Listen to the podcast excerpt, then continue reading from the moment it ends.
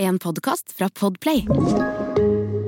That's the beauty of of Iron Maiden is that it doesn't matter what time of life you're in. It doesn't matter when you discover them. It's timeless. There's always something you can grab from it. You know, it was not just a flash in the pan. This is something that stands the test of time.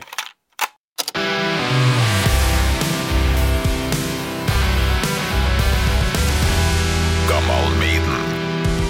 To, to, hei, hei, hei du. Takk for at du hører på Gammal Maiden eh, igjen.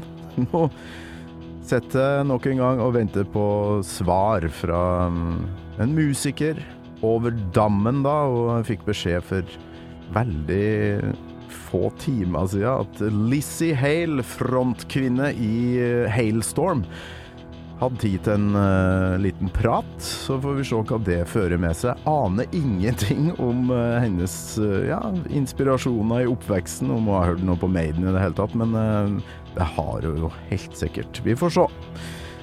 Så får vi se om Lizzie Hale svarer snart.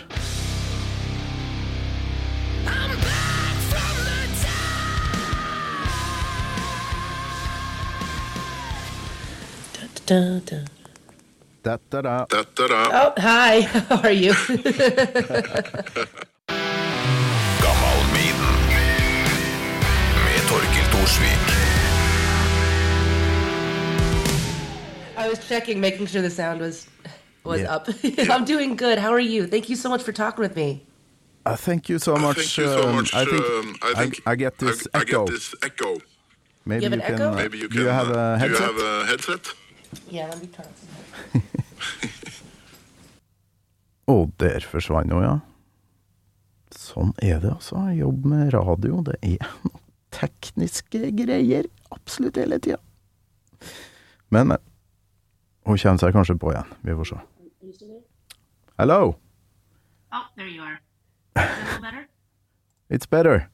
Might be a little, still a little bit of a delay, but I think we can ignore it. Um, Yeah, I'm getting this Yeah, echo, I'm getting but this um, echo, but um, let's just, uh, let's just try. Uh, just try. okay. Um, Um, welcome to uh, Radio Rock and uh, my podcast, uh, Gammal Maiden. Uh, first of all, what are you doing right now, Lzzy Hale, and uh, how are you? how are you? Um, first of all, I'm doing fantastic, and uh, right now we're just we're in our last couple days getting ready for our European tour uh, with uh, with Alter Bridge, and then we have Wolfie Van Halen out for some of it, and uh, we're just excited to finally be going to Europe. Uh, we haven't been to Europe, I think, since maybe 2019, so it'll be fun. And in the, the last days before you go to to tour, after 25 years in the business, do you still like? Um, what are you feeling the last days before uh, a tour like this? Um, excitement, maybe a little bit of nerves. Um, there's a lot of things that always happen that I have to get done, um, and uh, and they all come in last minute, right before I have to go somewhere. So um, I have a busy week. I got some collaborations that I'm doing, and uh, some recordings that I'm doing, um, and uh, and talking to you. you will come with a, a new single, and uh, we will know that you your uh, your last album will come uh, in a um, deluxe edition with seven more tracks. So uh, when did you make those tracks? Um, we ended up recording those uh, those B side tracks while we were in the studio. Um, some during while we were making the album, and then some came before we made the album. So um, we wanted to. uh, I guess we wanted to include all of those songs uh, that that a lot of the subject matter and a lot of the odd arrangements didn't necessarily fit with uh, with the body of work that we had put together. Um, but we wanted to release them anyway, so we were we were in the studio for a long time. So yeah, seven seven more new tracks is is uh, um, is expected. This is really strange. I have to turn you off to to uh, speak, and then I have to. it's really, really difficult, but I'll try. Um, your vocals, it's so. Uh, um, dynamic. You you get, got this raw voice, energetic on uh, like the first track, "Back from the Dead," and uh, in the last, "Raise Your Horns." It's clean, it's soft, uh, it's a ballad. How do you switch between those two? Well, um, that's uh, that's very selfish on my part because I um, have been, you know, training for quite a, a long time in order to be able to do all of those things, and so I feel like in my head, for personal reasons, if I'm going to be screaming my head off in one song, I'm going to have to show you the other side of me. What are your uh, influences? Um, the um, this podcast is about like uh, growing up and the moment you know that uh, rock music. I want to hear more of it. it uh, I want to live with that kind of music. And uh, what was the first band to make you think that rock was uh, your thing? Oh my goodness. Um, that probably dates back to when I was about 11. Uh, I grew up uh, with a lot of my dad's music. So it was a lot of Alice Cooper and Dio and Blue Oyster Cult. And, um, you know, obviously there was Iron Maiden in there too. My, my dad wasn't a huge Iron Maiden fan, so I had to kind of discover that myself. I mean, I knew the Trooper and Run to the Hills and all the things that would come on the radio, but I had to kind of dig deeper later on. But um, I guess the first real duo was probably Alice Cooper and Ronnie James Dio because I remember trying to show that to my my 11 year old friends when I was a kid and uh, now granted this was about 96 so nobody was listening to my kind of music in 96 um, I mean I'm sure there were people but nobody my age. And uh, and I just remember just falling in love with it. I, I, I couldn't understand why some of my you know young girlfriends at the time just couldn't wrap their head around it.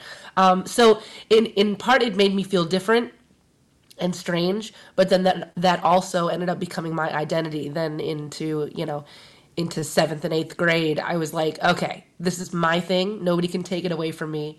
And that's when I started wearing leather jackets, and I started you know just digging into this rock and roll lifestyle. And I wasn't even sure where it was going to take me, but I mean, you know how it is. It, it just feels good. For some reason, I, I feel like rock and metal chooses you, not the other way around. You don't necessarily choose it for yourself, it calls to you.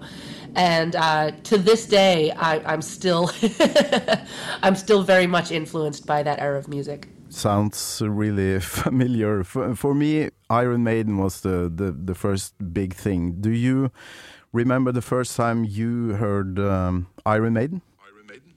Yeah, it was probably off of the uh, the Powerslave album because uh, that had two minutes to midnight on it, and I remember having a uh, a cassette tape for for for any of you listening or or reading this. Uh, back in the day, we had cassette tapes, and uh, and there was a record store that was because uh, you know the big boom of CDs, cassettes were a little cheaper at that point, so I could get a cassette for like two bucks, for two dollars at, at this record store that we lived close to, and uh, and I got a, a Powerslave cassette, and but I loved that song, Two Minutes to Midnight, so that was uh, probably that was probably my introduction to that.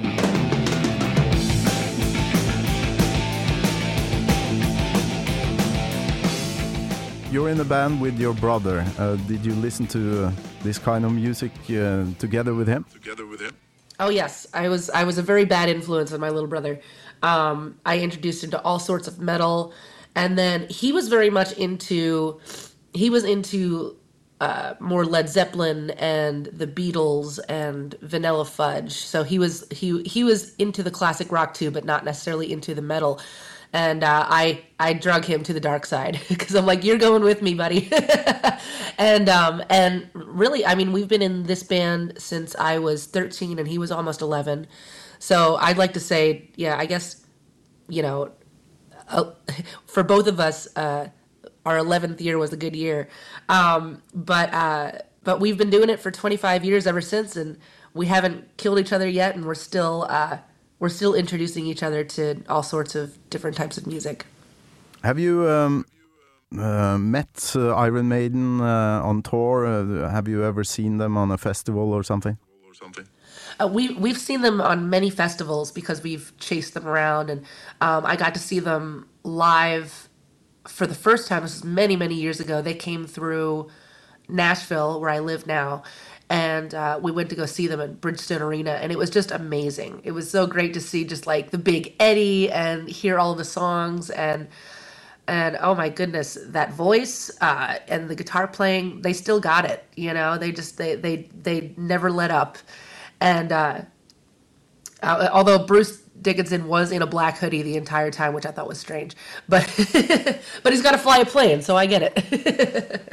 It's strange with uh, these old guys uh, singing like uh, it's the 80s. I saw Rob Halford and Judas Priest this summer, and uh, they they just keep going on. What what do you do to to to not yeah ruining your voice and and keep it going? Um, for, f I mean, a lot of it is caution. A lot of it is um, very simple, as in, if it hurts, don't do it. Make sure you warm up to some degree before you go on stage. Uh, you get to know your body. Make sure that you're hydrated, and really, I mean, even the screaming and you know, forgive me if I sound like a nerd when I talk about this stuff, but uh, specifically the screaming shouldn't feel like anything. Everybody feels like it's supposed to hurt or it's supposed to feel like you're just blowing all of your air at once. And really it should be it, it should feel almost like talking like very relaxed. And because you don't necessarily want to tense up because if you tense up you end up you know putting yourself into danger. So um, i've been I, I would love to talk to Bruce Dickinson about that because um, I've gotten to talk to uh, Rob Halford about that. We ended up opening up for Judas Priest in uh, Auckland, New Zealand, um, a couple years ago, and you're very right. They still, I mean, they still just go for it. I, for heaven's sake, some of those songs, I didn't think that they were going to pull out, you know, certain songs, you know, like Electric Eye and and all of these these, you know, the ones that have all the high notes all the time, and uh, and he pulled it off, and um, he was telling me something very similar to what I do, you know, where it's like you have to, you're not holding back, you're just letting go, you know, and that's supposed to be what it feels like. But um, I do, I, I have to say, sometimes I do think about that. I think about singing the song, singing Back from the Dead when I'm in my 70s. I'm like, how is that gonna go? but I'll I'll see when I get there.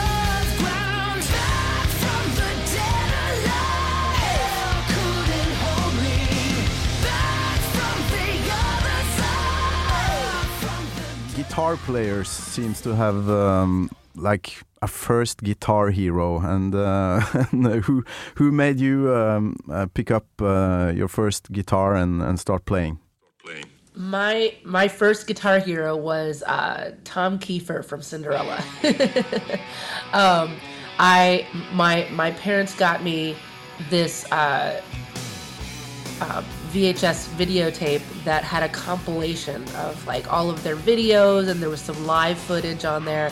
And I don't know what it was about Tom Kiefer's swagger or just the way he held the guitar or the guitar tone or maybe it was his vibrato uh, but it just uh, it struck me to the point that he is also the reason why I'm, I'm obsessed with white guitars and obsessed with Gibsons and and all of that um, it's uh, it's interesting because I actually I fell I fell into guitar at first because we had lost a guitar player when I was 16 uh, we we lost. Well, we didn't lose him. We he quit the band, and uh, and he when he left the band, I was like, damn, like we finally have this like guitar driven sound, and someone's got to do it. So I decided I was going to learn, um, and then you start looking at these amazing guitar players, like not just Tom Kiefer, but there's Eddie Van Halen and you know, and even uh, even Neil Young is is an amazing guitar player in his own right. And you just you you look at those people, and you go, how do they do that? I, I want to do that. How can I how can I do that in the quickest way possible? you know, um, and uh, and again to to this day, I still I I look to those guys for still for inspiration. There's something about the classic like 70s 80s you know, and and even early '90s hard rock and metal. There's something about that space of time where it was still it was still magical and you also still had to have some skill, you know, in order to do these things. You think about when you know, even when Zeppelin or early Alice Cooper, you know, early Dio, like there, I mean, that entire era, there was no Pro Tools. There was no way to go and copy paste things or, or you know, uh, or do a quick fix for anything. You had to be good from beginning to end. you know, if you if you screwed it up, the whole band has to do it all over again. So it's uh, I I, I admire that era of music very much. You're listening to a podcast. I'm Bruce Dickinson. You're not, and you're listening to Gammal Maiden.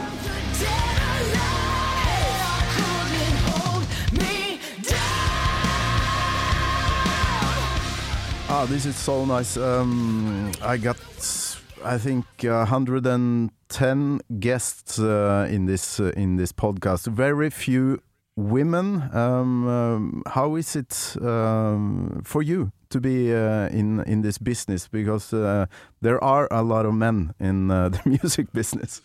Oh, absolutely. I mean, for for myself, I've been living two feet from from my boys for uh, decades now, and uh, and it's uh, so I'm pretty used to hanging out with the boys. Um, if if you ever meet any of my bandmates, they'll tell you that um, you know I'm I'm a dude in my own right, but uh, I can hang. But uh, but I you know I've always enjoyed being a woman in hard rock and metal. I can't say I've always enjoyed it. There are pitfalls to it. Um, obviously, I've had to work uh, probably twice as hard to get you know the same amount of recognition as maybe some of my male peers but i try not to think about that in a negative light because everything that i've had to prove everything that i've had to fight for um, has has made me who i am you know and and it's and it's uh it's wonderful subject fodder for for uh, for the songs that I write. Um, also, in a positive sense, I love being a girl in hard rock and metal because in some ways I still stick out. You know, um, it's that it's it's almost like that extra nail in the coffin. Like, oh wow, you can play. Oh, you can sing. Oh, you can do it in high heels and a short skirt. Oh, you're a girl. Oh, that's crazy. You know. So um, I I I still think it's fantastic and the most beautiful thing about the the position that I'm in right now is that I'm able to finally kind of pass the torch and you know influence some young girls and uh, and at least be up there on stage as something that they someone that they can see themselves in and, and someone who can who basically can show them that it is possible for a a woman to make it in hard rock and metal. Um, because this genre, I mean, I I have many, you know, sisters in, in this business that grew up just like me where just we just want to rock we want to make a loud noise. And so this genre is truly genderless. It's just you know we we own it as in our own way and then the boys own it in another way. So um and it's always nice when all that comes together. I think you're doing a great job. But uh, the the final question, uh, man or woman, it's a really difficult one. Can you name one Maiden song that's your favorite? Oh my goodness, that's that's a terrible question. Um, you know what? I'm probably gonna go. I'm gonna go with the first one that I heard. I'm gonna go with Two Minutes to Midnight because I feel like the the introduction to the band is such an interesting thing where it's like if that was the first song that I actually heard by by Iron Maiden, you hear it and it kind of slams you over the head, and then you go back and you and you you realize the rest of the cat- the catalog, and then you go back to Two Minutes to Midnight, and you learn something completely different about it.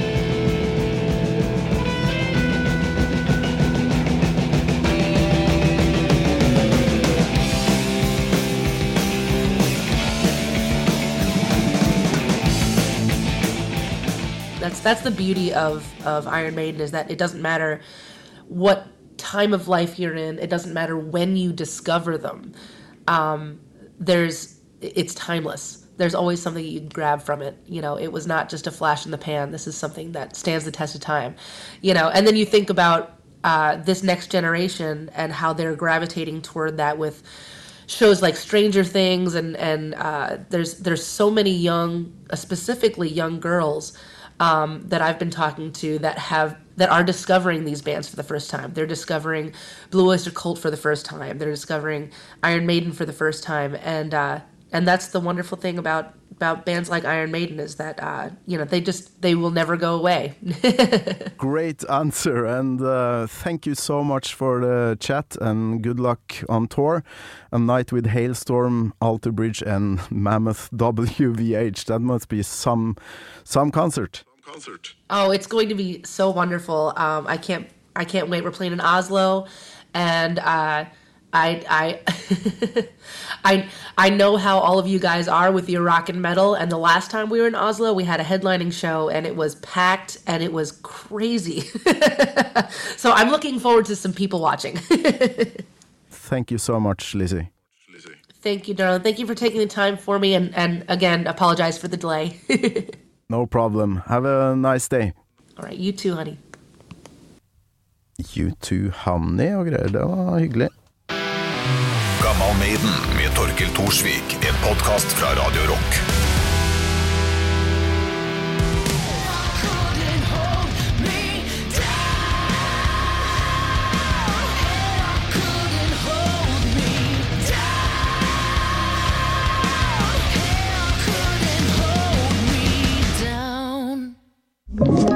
Du har hørt en podcast fra Podplay. En enklere måte å høre podcast på. Last ned appen Podplay, eller se podplay.no.